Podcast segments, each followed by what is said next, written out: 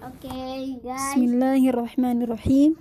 Keutamaan diutusnya Nabi Muhammad Sallallahu Alaihi Wasallam kepada manusia dan anugerah yang abadi di dunia.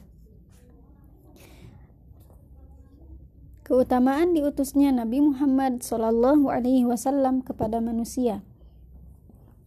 Satu-satunya penderitaan satu-satunya pemberitaan dalam sejarah risalah dan agama Allah berfirman kepadanya kepada nabinya Muhammad sallallahu alaihi wasallam dan tidaklah kami mengutus engkau melainkan sebagai rahmat bagi semesta alam. Quran surat Al-Anbiya ayat 107. Ini adalah satu-satunya pemberitaan yang disebutkan dalam sebuah kitab yang abadi.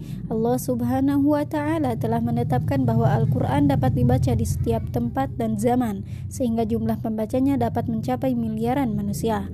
Allah Subhanahu wa taala berfirman tentang Al-Qur'an, sesungguhnya kami telah menurunkan az-zikra dan sesungguhnya kamilah yang memeliharanya.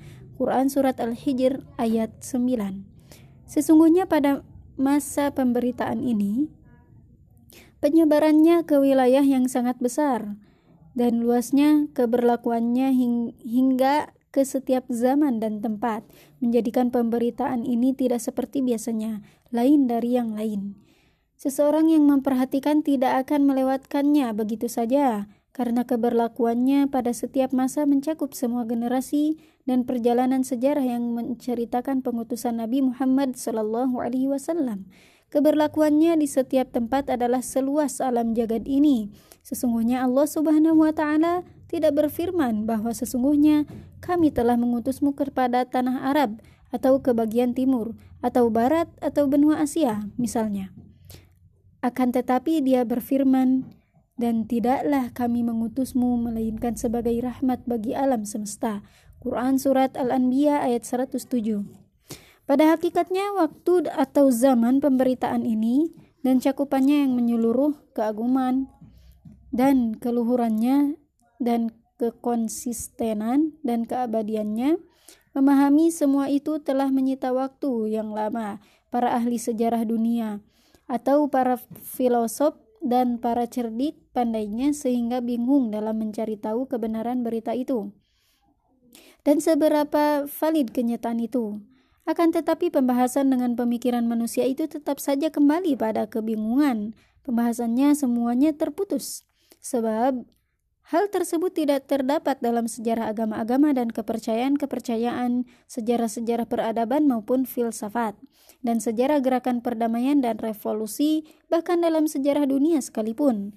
Demikian pula dengan perpustakaan-perpustakaan yang menyatakan bahwa pemberitaan ini melingkupi seluruh kondisi dan semua generasi manusia dan fase-fase sejarah.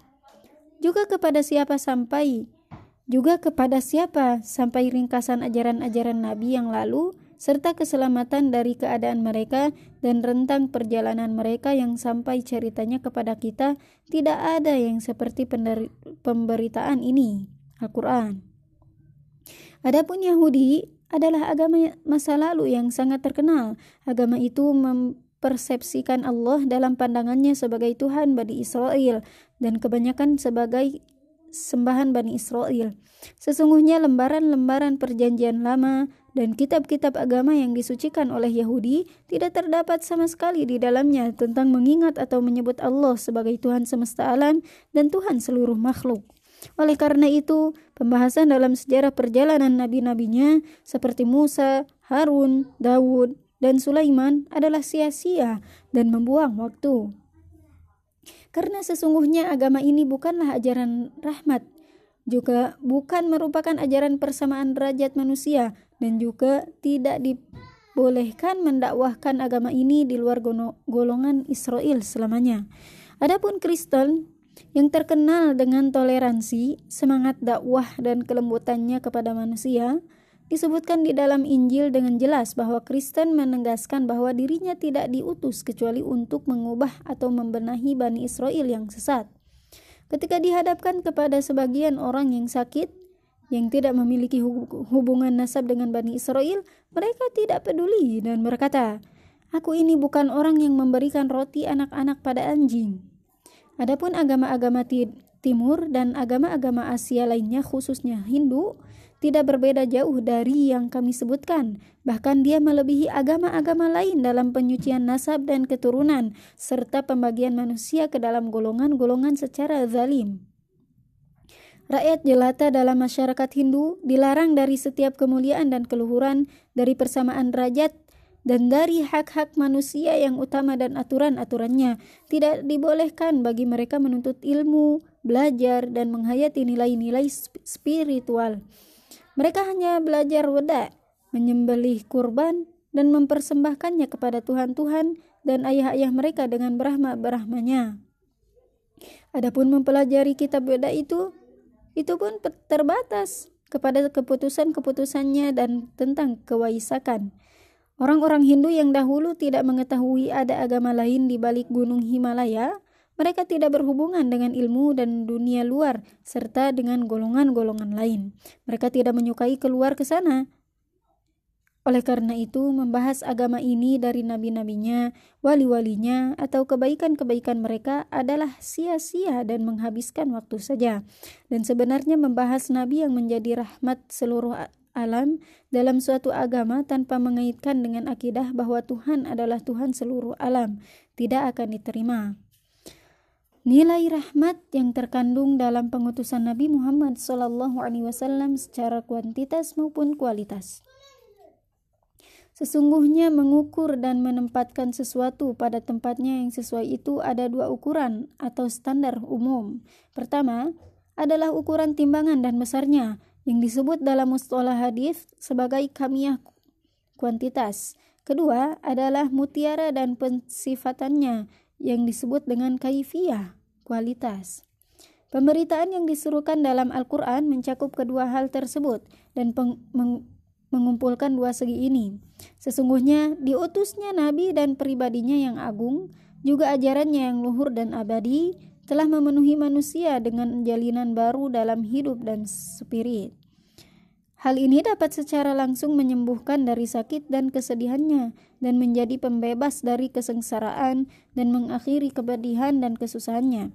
Ia merupakan hujan rahmat dan berkah, kesenangan dan kebahagiaan, keba kebaikan dan keberuntungan, serta kebaikan dan kesuburan bagi tanah yang kering. Anugerah dari risalah Nabi Muhammad SAW yang sangat mahal ini akan dapat dilihat menurut waktu, kualitas, dan kuantitasnya. Ar-Rahmah atau rahmat adalah suatu kata yang sering dipakai dalam kehidupan keseharian kita. Yang dimaksudnya adalah apa saja yang diperoleh manusia yang memiliki manfaat dan menyenangkan. Adapun macam rahmat dan pembagiannya atau derajat dan kedudukannya adalah tidak terbatas. Rahmat bisa jadi dalam bentuk seseorang memberikan air dingin kepada saudaranya yang haus, menunjukkan jalan kepada musafir dan orang asing. Memberi tempat untuk beristirahat kepadanya pada musim panas yang sangat menyengat, ibu yang merawat anaknya, ayah yang memelihara anaknya, mengajarinya pengetahuan-pengetahuan, dan memberikan bekal untuk kebutuhan hidupnya, atau seorang guru yang mengajar muridnya dan memberikan kepadanya ilmu-ilmu yang dipunyainya.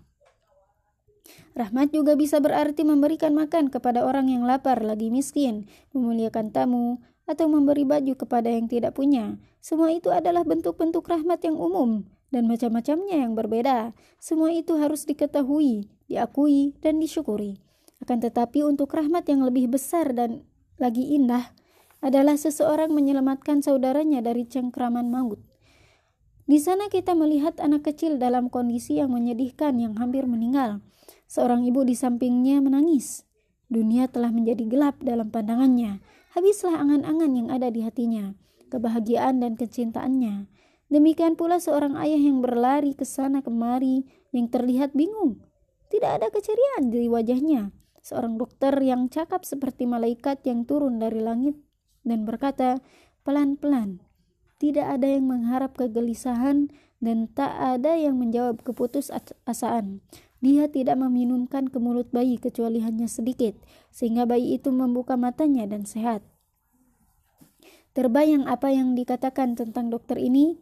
Niscaya dikatakan kepadanya, sesungguhnya dia adalah malaikat rahmat yang diutus Allah untuk menyelamatkan anak kecil ini dan mengembalikan hidup kepadanya. Di sinilah semua bentuk rahmat yang telah dikemukakan tadi menjadi tidak apa-apa, menjadi tidak ada apa-apanya karena bukanlah kenikmatan bagi bayi saja, tapi juga bagi keluarganya. Kita melihat orang buta berjalan dengan tokatnya mendekati jurang, yang dalam atau sumur yang akan menjadi perjalanan maut. Berlarilah seorang hamba Allah menyadarkan dan menghalanginya dari terjatuh ke dalam jurang. Apakah yang demikian itu tidak disebut malaikat rahmat? Ada seorang pemuda yang sedang tumbuh, ia merupakan harapan kedua orang tuanya dan mencukupi saudaranya yang miskin. Ia tenggelam di sungai yang deras dan berusaha agar dapat mengapung di atas air, akan tetapi tidak dapat. Lalu ada seseorang yang melompat mempertaruhkan dirinya demi hidup pemuda tersebut dan menariknya sampai ke tepi. Maka keluarga dan teman pemuda itu menyebutnya dengan cinta dan kasih sayang. Mereka tidak melupakan kebaikan orang tersebut kepada mereka. Apakah sama dengan bentuk-bentuk rahmat yang pertama tadi? Ini adalah rahmat yang agung lagi mahal. Diutusnya Nabi Muhammad Shallallahu Alaihi Wasallam menyelamatkan manusia dari penderitaan dan kehancuran. Satu bentuk yang lain dari berbagai rahmat, nilainya dan puncaknya adalah seseorang menyelamatkan manusia seluruhnya dari kehancuran. Demikianlah perbedaan yang besar antara kehancuran yang satu dengan kehancuran yang lain. Antara bahaya yang satu dengan bahaya yang lain, itulah kehancuran yang terbatas dan dangkal, dan bahaya yang sekedar lewat dan sungguh terputus di sisi yang lain ada kehancuran yang abadi dan bahaya yang berlangsung terus tiada henti. Untuk hal itulah, maka sesungguhnya anugerah kenabian kepada manusia selamanya tidak dapat diukur dengan rahmat-rahmat yang lain, baik dari sisi kepentingan maupun keagungannya. Di hadapan kita terdapat laut yang bergelombang, yakni gelombang laut kehidupan. Gelombang itu tidak hanya menelan seseorang saja, kan tetapi menelan umat dan negara, menerpa peradaban dan kemodernan. Gelombangnya yang besar, bergejolak semakin tinggi bagaikan mulut-mulut buaya yang kosong, yang akan meremukkan jamaah manusia, sebagaimana singa-singa pemburu. Masalahnya di sini adalah bagaimana kita menyeberangi laut yang bergemuruh, bergelombang sangat tinggi, dan tidak mengerti kasih sayang itu, dan bagaimana kita turun dengan bahtera manusia? Ke daratan yang aman? Tidak ada seorang pun yang memiliki kelebihan dalam kondisi ini yang dapat memberi keselamatan dan kebaikan kepadanya kecuali nahkoda bahtera. Kecuali nahkoda bahtera kapal itu yang selalu bermain dengan badai yang bergemuruh bergelombang yang tinggi seperti gunung dan pandai menyeram penumpang dan para awak kapalnya dibawa dan diantarkan ke tepi pantai kemenangan dengan selamat. Sepantasnya lah manusia itu bersyukur dengan berterima kasih kepada mereka yang memberinya hidayah ilmu dan kepada mereka yang mengumpulkan timbunan-timbunan pengetahuan baginya. Ia juga akan berterima kasih kepada mereka yang mempersiapkan segalanya baginya dengan mudah, memberikan be memberi bekal dengan perantaraan kebahagiaan dan kelapangan, menghilangkan kesulitan hidup, dan membenamkan akar dan ranting-rantingnya. Dia tidak mengurangi hak seseorang dari mereka dan tidak mengingkari keutamaan mereka atasnya. Kan tetapi persoalan yang besar dan kesulitan yang utama adalah bagaimana menyelamatkan dirinya dari musuh-musuh yang menyerangnya dengan bersembunyi yang mengepungnya dari segala penjuru. Bagaimana dia akan sampai dengan kapalnya ke daratan dengan selamat dan aman? Maka berupa apakah gelombang laut ini? Dan ber, berwujud apakah buaya-buaya yang selalu memburu tersebut? Gelombang itu adalah ketidaktahuan terhadap pencipta dan Tuhan alam semesta ini dengan sifat-sifatnya yang luhur serta dengan nama-namanya yang bagus sehingga ia jatuh ke dalam syirik menyembah berhala, patung-patung dan mempercayai khurafat. Hal itu adalah kebodohan manusia. Dia bingung terhadap dirinya dan lalai dari penciptaannya. Gelombang itu adalah menyembah pada materi dan emas, melampaui batas, melanggar yang haram, dan menghiasi nafsu amarah dengan kejelekan. lari dari melaksanakan kewajiban-kewajiban dan hak-hak, juga merusak manfaat dan kondisi baik. Sesungguhnya, bahaya yang paling besar bagi manusia adalah adanya kerenggangan dalam bangunannya, sendi-sendinya menjauh dari tempatnya, sehingga seseorang lupa akan harga diri dan tujuan hidupnya. Ia mengira dirinya sebagai serigala pemangsa atau ular. Maka ketika manusia bingung dengan kenyataan dan kejadian-kejadian besar, laut kehidupan ini berjalan ke api yang menyala yang berkorban yang berkobar sangat tinggi. Di situlah seseorang dapat memangsa saudaranya. Dia tidak memerlukan ular-ular dan kalajengking-kalajengking, serigala-serigala dan singa-singa. Manusia telah meru manusia telah berubah menjadi serigala yang paling besar di dalam hutan manusia, yang ditakuti oleh serigala-serigala yang sesungguhnya dan sudah menjadi syaitan-syaitan yang sombong sehingga syaitan-syaitan lain malu padanya. Di sinilah manusia akan terbakar dan tersungkur pada zaman yang menakutkan dan penuh kegelapan. Maka bertiuplah angin rahmat Tuhan dan tegaklah kembali serpihan-serpihan manusia yang telah hancur, tegak pula keselamatan dan kepandaian. Pentingnya kenabian, perannya dalam menyelamatkan dan membahagiakan umat serta tindak lanjut dan gerak-gerik Nabi. Kami terangkan pentingnya kematian dan gerak-gerik Nabi agar dapat dipahami pentingnya hal tersebut dan kedudukannya. Diceritakan bahwa sekelompok murid-murid sebuah sekolah naik kapal untuk bertamasya di laut. Dalam jiwa mereka terdapat semangat yang menggebu-gebu. Para pelaut dan pendayung yang buta huruf adalah sangat mudah untuk dipermainkan, diasingkan, dan sangat mudah untuk diledek dan dijadikan penghibur diri. Seorang murid yang pandai berkata kepadanya, Wahai paman, ilmu apa yang telah engkau pelajari? Pelaut menjawab, Tidak ada sayangku. Murid, apakah engkau telah belajar fisika ilmu alam? Pelaut, tidak, dan aku tidak pernah mendengarnya. Seorang murid yang lain berkata, akan tetapi engkau harus mempelajari ilmu hitung, aljabar, dan pergantian cuaca. Pelaut, ini aneh, baru pertama kali ini aku mendengar nama-nama itu.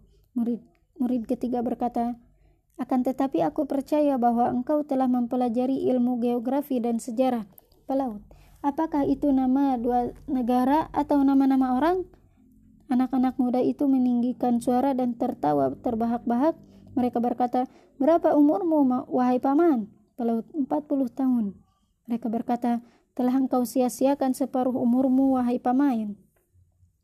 Diamlah pelaut itu karena kesedihan dan kepedihan hatinya dan hanya menunggu gilirannya. Laut bergelombang dan bergemuruh.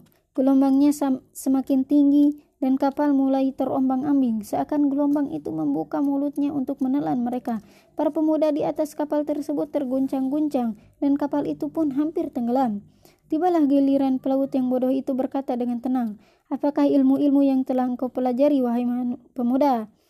Para pemuda mulai membacakan daftar ilmu yang telah mereka pelajari di kuliah dengan panjang lebar, dengan maksud menjelaskan kepada pelaut yang bodoh tapi bijaksana. Setelah selesai menghitung jumlah ilmu yang nama-namanya menyeramkan, pelaut itu berkata dengan tenang dan bercampur dengan rasa menang. Wahai anak-anakku, engkau telah mempelajari ilmu-ilmu yang banyak.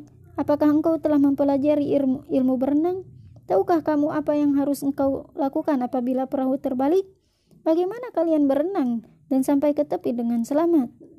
Mereka berkata, Demi Allah, tidak wahai paman, ini adalah satu-satunya ilmu yang terlupakan oleh kami untuk mempelajari dan menguasainya. Di saat itulah pelaut tertawa dan berkata, Apabila aku telah menyia-nyiakan separuh umurku, maka engkau telah merusak semua umurmu. Karena ilmu-ilmu itu tidak berguna bagi kalian jika jika kapal ini diterpa angin topan. Sesungguhnya ilmu yang satu ini, yaitu ilmu berenang yang kalian lupakan, itulah yang akan menolong. Inilah pentingnya kenabian dan perannya dalam menyelam, menyelamatkan manusia yang hampir tenggelam. Inilah tabiat perbuatan Nabi dan Rasul, serta perbedaannya dari semua macam pengetahuan, pengajaran, kebahagiaan, dan keselamatan. Beliau memberikan kepada manusia ilmu keselamatan dan, dan mengajarkannya bagaimana seni berenang dan mengendalikan bahtera kehidupan. Sesungguhnya sejarah manusia itu menunjukkan tanda-tanda yang jelas, yaitu ketika bahtera kehidupan tenggelam. Niscaya rusaklah akhlak-akhlak manusia dan buruklah perbuatannya. Tenggelam dengan seluruh isinya Dengan segala kemanusiaannya, peradabannya yang terjaga, hasil pemikiran, produksi keilmuan dan filsafat, dan keindahan syair-syairnya, sastra-sastranya, juga ilmu keindahannya. Sesungguhnya bahtera ini tidak akan tenggelam hanya karena jatuhnya kebudayaan, sedikitnya sekolah ataupun kampus, dan hilangnya pengajaran yang tinggi, atau karena sedikitnya harta dan susahnya kebutuhan hidup. Akan tetapi bahtera itu akan tenggelam karena manusia mempersiapkan dirinya untuk bunuh diri. Ia menjadi zalim yang menghancurkan bangunan itu, yang terdapat harta dan keluarganya di dalamnya. Sesungguhnya sejarah menunjukkan kepada kita bahwa pemikiran manusia itu dalam banyak kesempatan akan tertimpa bencana yang dapat mengencangkan urat, urat saraf yang mendorong pada keruntuhan dan malapetaka sebagai ganti dari kemakmuran dan pembangunan. Kita melihat orang-orang yang mencari ilmu atau pengetahuan barat, mereka bingung dan bimbang. Dan kita melihat dengan ke mata kepala sendiri dan kita hampir tidak mempercayai kejadian ini karena takut memandang keburukannya bahwa manusia menghancurkan sendi-sendinya dengan segala kekuatan. Padahal asas-asas itu dibangun oleh puncak peradaban dan pemikiran yang hebat, dan mereka masih menyibukkan diri dengan pekerjaan yang gila ini dengan giat dan bersungguh-sungguh. Seolah-olah pekerjaan ini adalah pekerjaan baik, atau kesenangan yang indah bagi manusia, atau pengabdian yang tinggi yang sangat dekat pada parit kematian. Seolah pekerjaan itu memiliki kualitas hidup yang tinggi, mereka sudah dijajah kerinduan untuk menghancurkan sendi-sendi itu, seolah-olah hidup menjadi siksaan neraka jahim dan kehancuran adalah surga yang nikmat. Gambaran masa jahiliyah, persiapan ke keruntuhan dan kehancurannya. Ini adalah sebuah fenomena yang merajai dunia pada abad ke-6 Masehi.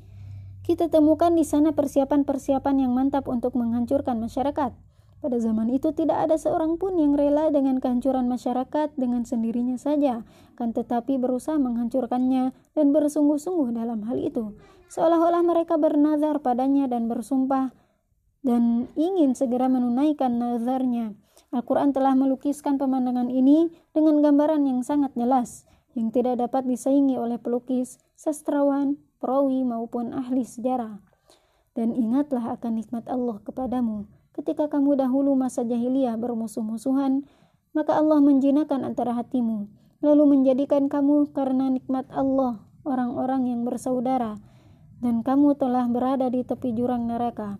Lalu Allah menyelamatkan kamu daripadanya. Quran Surat Ali Imran ayat 103 Semoga Allah mengasihi ahli-ahli tarikh karena mereka melukiskan kejahiliahan kejadian-kejadian pada waktu diutusnya Nabi Muhammad SAW kepada kita dengan gambaran yang benar dan teliti. Semoga mereka diberi pahala dan termasuk orang-orang yang bersyukur.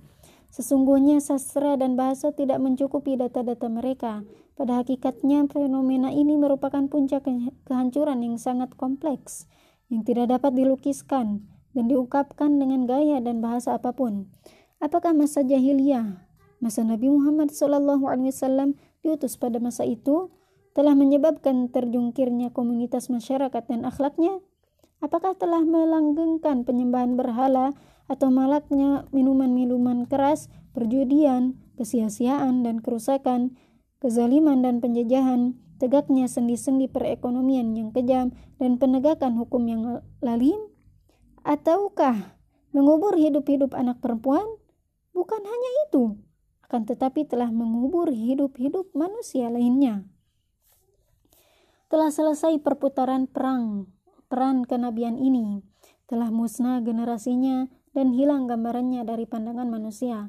Maka bagaimana kita akan meneladaninya, menjadikannya dapat dirasakan manusia dan dapat disentuh oleh jari jemari kita?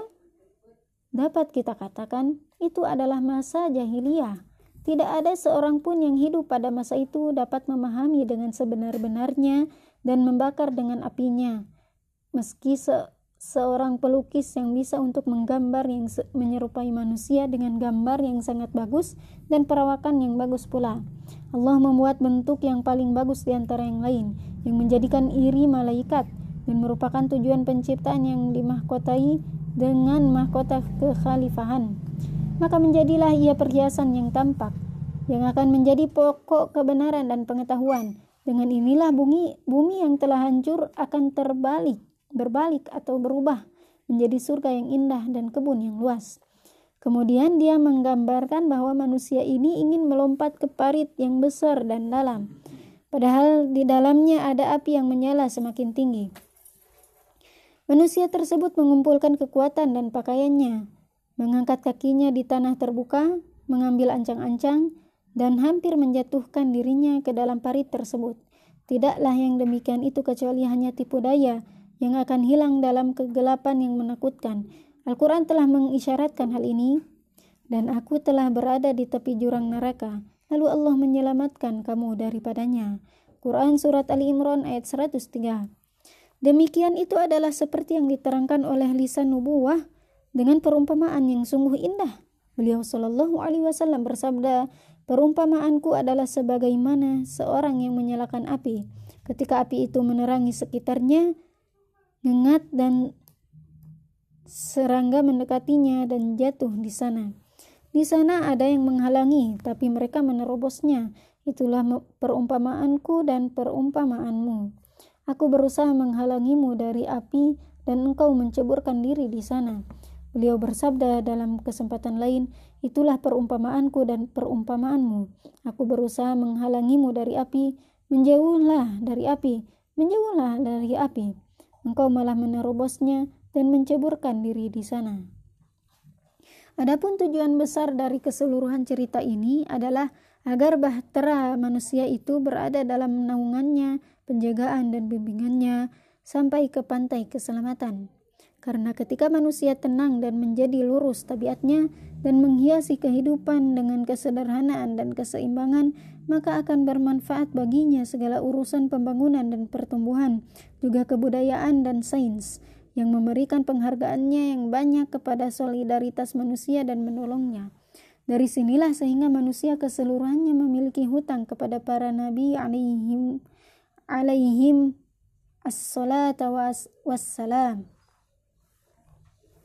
Karena mereka membebaskan dari bahaya yang mengancam yang berkelebat di atas kepalanya seperti pedang yang bergemerincing tidak akan terlepas dari kebajikan dan keutamaan beliau pada usaha keilmuan, rancangan masyarakat, dan sekolah-sekolah pemikiran atau falsafah.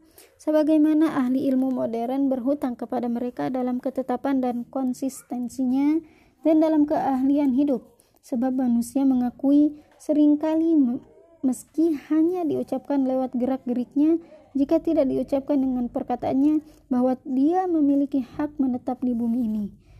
Padahal dia tidak membawa rahmat atau berkah apa pun. Dia juga kasih sayang, tidak juga kasih sayang, manfaat ataupun dakwah ajaran kemanusiaan. Dia akan dituntut pada mahkamah ilahiyah melawan dirinya sendiri, sedangkan ia menyaksikannya. Berkas-berkas perkaranya telah disiapkan untuk pengadilan yang adil lagi akhir Manusia akan melawan dirinya sendiri dengan hukuman terbesar yang bergambar bahkan hukuman mati. Tidaklah mengherankan dalam hal ini bahwa peradaban itu telah melanggar batas tabiatnya, keluar dari ukurannya, dan melupakan nilai-nilai akhlak sama sekali atau mengingkarinya dengan terang dan jelas. Manusia telah lalai dari tujuan yang baik dan maksud yang mulia dari segala kenyataan dan hakikat di luar hakikat materi. Mereka hanya mengutamakan kebutuhan jasmani dan memuaskan hawa nafsu kemewahan. Memuaskan nafsu kehewanan.